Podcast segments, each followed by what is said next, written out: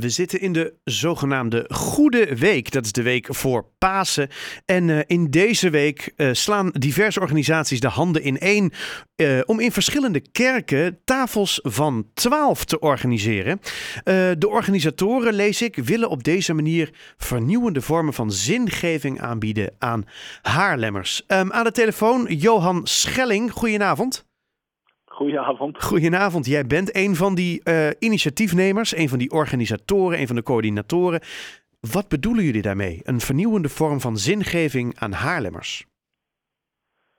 Um, een nieuwe manier om de, zeg maar, de schat van de kerk, het, wat we in de kerk al eeuwen vieren, wat ons bemoedigt, wat ons hoop geeft, om dat te delen met Haarlemmers die niet meer in de kerk komen, mm um, maar die wel degelijk um, mens zijn zoals wij. En uh, waarvan we zomaar denken dat die bij zulke hoop of uh, uh, bemoediging gebaat zouden zijn. Ja. ja, want even voor iedereen, tafels van 12. Ik, ik heb meteen ja. een beeld van het laatste avondmaal voor me. Of, of hè, van vroeger ken ik de tafels van, van rekenen, de tafel van 1, 2, 3, 4, 5. Maar dat zal het allemaal niet ja. zijn. Wat, wat is dit? Um, tafel van 12, dat heb je heel goed, is inderdaad het idee van um, Jezus' laatste paasgaviering met zijn twaalf leerlingen. En um, het idee kwam bij mij op, is al langer, om die tafel die nog altijd in protestantse en katholieke kerken staat. De katholieke kerk noemt het de Eucharistie, het altaar. De protestantse kerk noemt het het avondmaal. om dat ook beschikbaar te maken voor mensen die niet in de kerk komen. Mm. Omdat wat we daar aan die tafel krijgen en samen delen en vieren, uh, is het leven. Zoals het leven is en zoals het is bedoeld. En um, um, nou, daar heeft de kerk, omdat het een kostbare schat is, heeft de kerk daar heel bijzondere vormen uh, voor ontwikkeld. Mm-hmm. En heeft daar ook regels aan vastgemaakt. Natuurlijk, zoals we dat doen als mensen, als iets kostbaar is en uh, en, en we het willen bewaren als een schat, nou, dan kunnen we het zelfs in een kluis stoppen. Daarmee maak je duidelijk dat het heel kostbaar voor je is. Het nadeel van zo'n schat in een kluis, in een kerk, in, aan een tafel, waar alleen de leden aan mee mogen doen, is dat anderen niet hetzelfde kunnen proeven, niet hetzelfde kunnen beleven. Ja, je krijgt een hele wijzij, hè? Ja, ja precies. Precies. En, en, en wat, wat, jullie doen is dus de kerk openstellen voor mensen die er normaal gesproken niet komen. Uh, wie zijn dit? Um, nou, de, de, uh, het idee was om, um, is om leden van de kerk, van de deelnemende kerken, negen leden van de kerk, mm -hmm. aan tafel te laten zitten, aan een, om zo te zeggen, hun vertrouwde tafel in hun kerk, mm -hmm.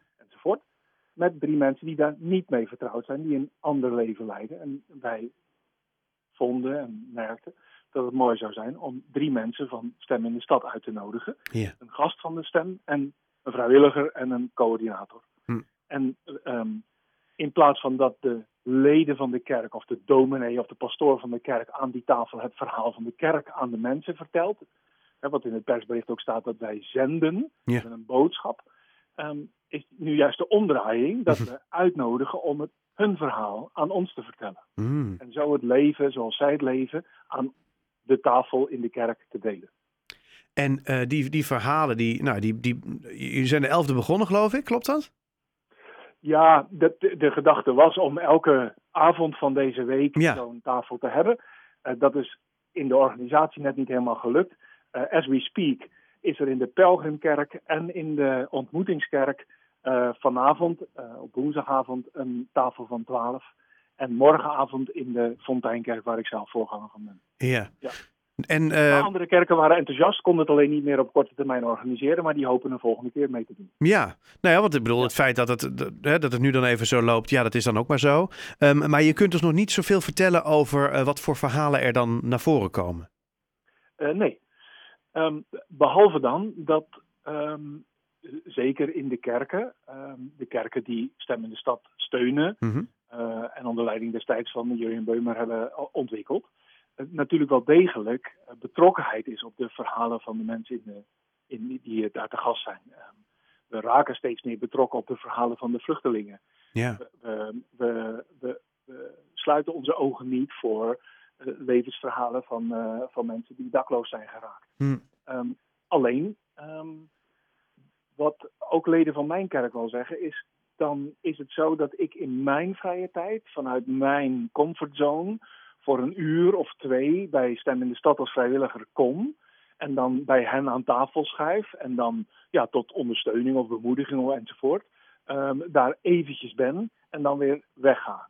Dat betekent toch dat ik de gast ben in, even in hun leven, om zo te zeggen. Even daar naar kijk, daarbij steun, daarnaar luister en dan ben ik weer weg. En, en mijn verlangen was om het eens een keer om te draaien. En dus in, juist in onze, ik, ik zeg dan even onze, hè, Mm -hmm. binnenkerkse vertrouwde omgeving, zelfs een vertrouwde tafel. Mm -hmm. um, het, het, gewoon eens andersom te beleven. Ja. Dat zij echt de volle ruimte krijgen om aan ons het verhaal te vertellen. Ja, dus niet zozeer dat je daar naartoe gaat en uh, uh, gaat observeren, maar, maar nodig ze uit en kom vooral eens binnen om te delen.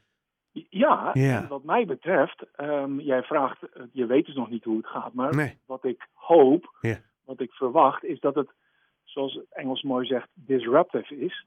In de zin van, um, het mag wat mij betreft best in die zin wel even schokken, Hmm. dat, dat het echte levensverhaal van onze medemensen um, aan onze, ik zeg toch maar weer even, veilige tafel Mm. komt. Ja. Dat disruptieve ervaren we natuurlijk, zeker die mensen die Oekraïense vluchtelingen uh, te gast hebben nu in huis, Ja. die ervaren dat. En Ja. we krijgen daar gelukkig hele goede verhalen over dat er ja, dat, dat het je vertrouwde omgeving wat oprekt, dat het je vertrouwde patronen oprekt, dat je mooie mensen ontmoet die, ja, die eerst natuurlijk getraumatiseerd hier binnenkomen, maar Ja. op de duur gewoon ook een verlangen hebben om in Haarlem iets te gaan doen. Um, maar maar dat, dat, dat begin is disruptive. Dat is even. ja, je wordt even door elkaar geschud. Ja. Ja, precies. ja, je wereld staat even op zijn kop. Huh, bestaat dit ook? Ja. Exact. En, en dan, um, dan is ineens de vorm die je als kerk hebt gekozen, die is ineens niet meer, um, niet, niet meer zo vast en veilig. Nee. Het gaat zoals het altijd gaat, maar die, die staat ineens in zekere zin op losse schroeven. Ja. En dan komt het erop aan dat je in de ontmoeting met die ander uh, bij je basis vertrouwen komt. In plaats van, zeg ik dan maar even heel snel, de schijnveiligheid van we zitten hier lekker bij elkaar en we weten hoe het zit en, en, en hoe het allemaal moet. Ja. Dus het, het geeft ook een verdieping in het, uh, in het menselijk contact. Exact. Ja. Dat is het precies. Nou, klinkt, uh, klinkt ongelooflijk goed. Um, en ik ben heel erg benieuwd naar, uh, naar de verhalen dan. Maar uh, ja, daar is het nu dan wellicht nog iets te vroeg voor. Um, ga, je gaat zelf ook nog binnenkort, zei je, met mensen om tafel? Jazeker. Ja, in, uh, in de Fonteinkerk, waar ik zelf predikant van ben, hebben we morgenavond een tafel. Oh ja, morgenavond, ja. Negen, negen mensen, leeftijd van 20 tot 70 jaar of zo. Uh, prachtige mensen komen erbij aan tafel uit de gemeente die ik dus leid. Ja. En uh, drie mensen van Stem in de Stad. Ik hoop straks ook even met de auto langs uh, de Pelgrimkerk en de ontmoetingskerk te gaan. Even te kijken hoe het gaat. En ja, wat mij betreft, als dat in jullie programma past, dan kom ik graag nog een keer terug. Om te vertellen wat ik heb waargenomen, wat ik heb meegemaakt. Nou. Om te vertellen hoe het is gegaan. Ik eh, ben waarlijk benieuwd. Ik geef het sowieso even door aan de collega's die er morgen zitten. Misschien kunnen ze je even bellen. Um, ja. En anders uh, spreek je misschien volgende week wel eventjes.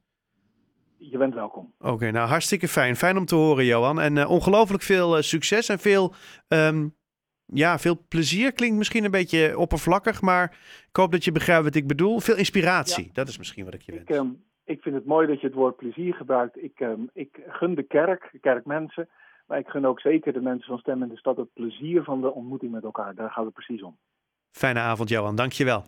Dankjewel. Jij uh, succes met je programma en Dank. bedankt.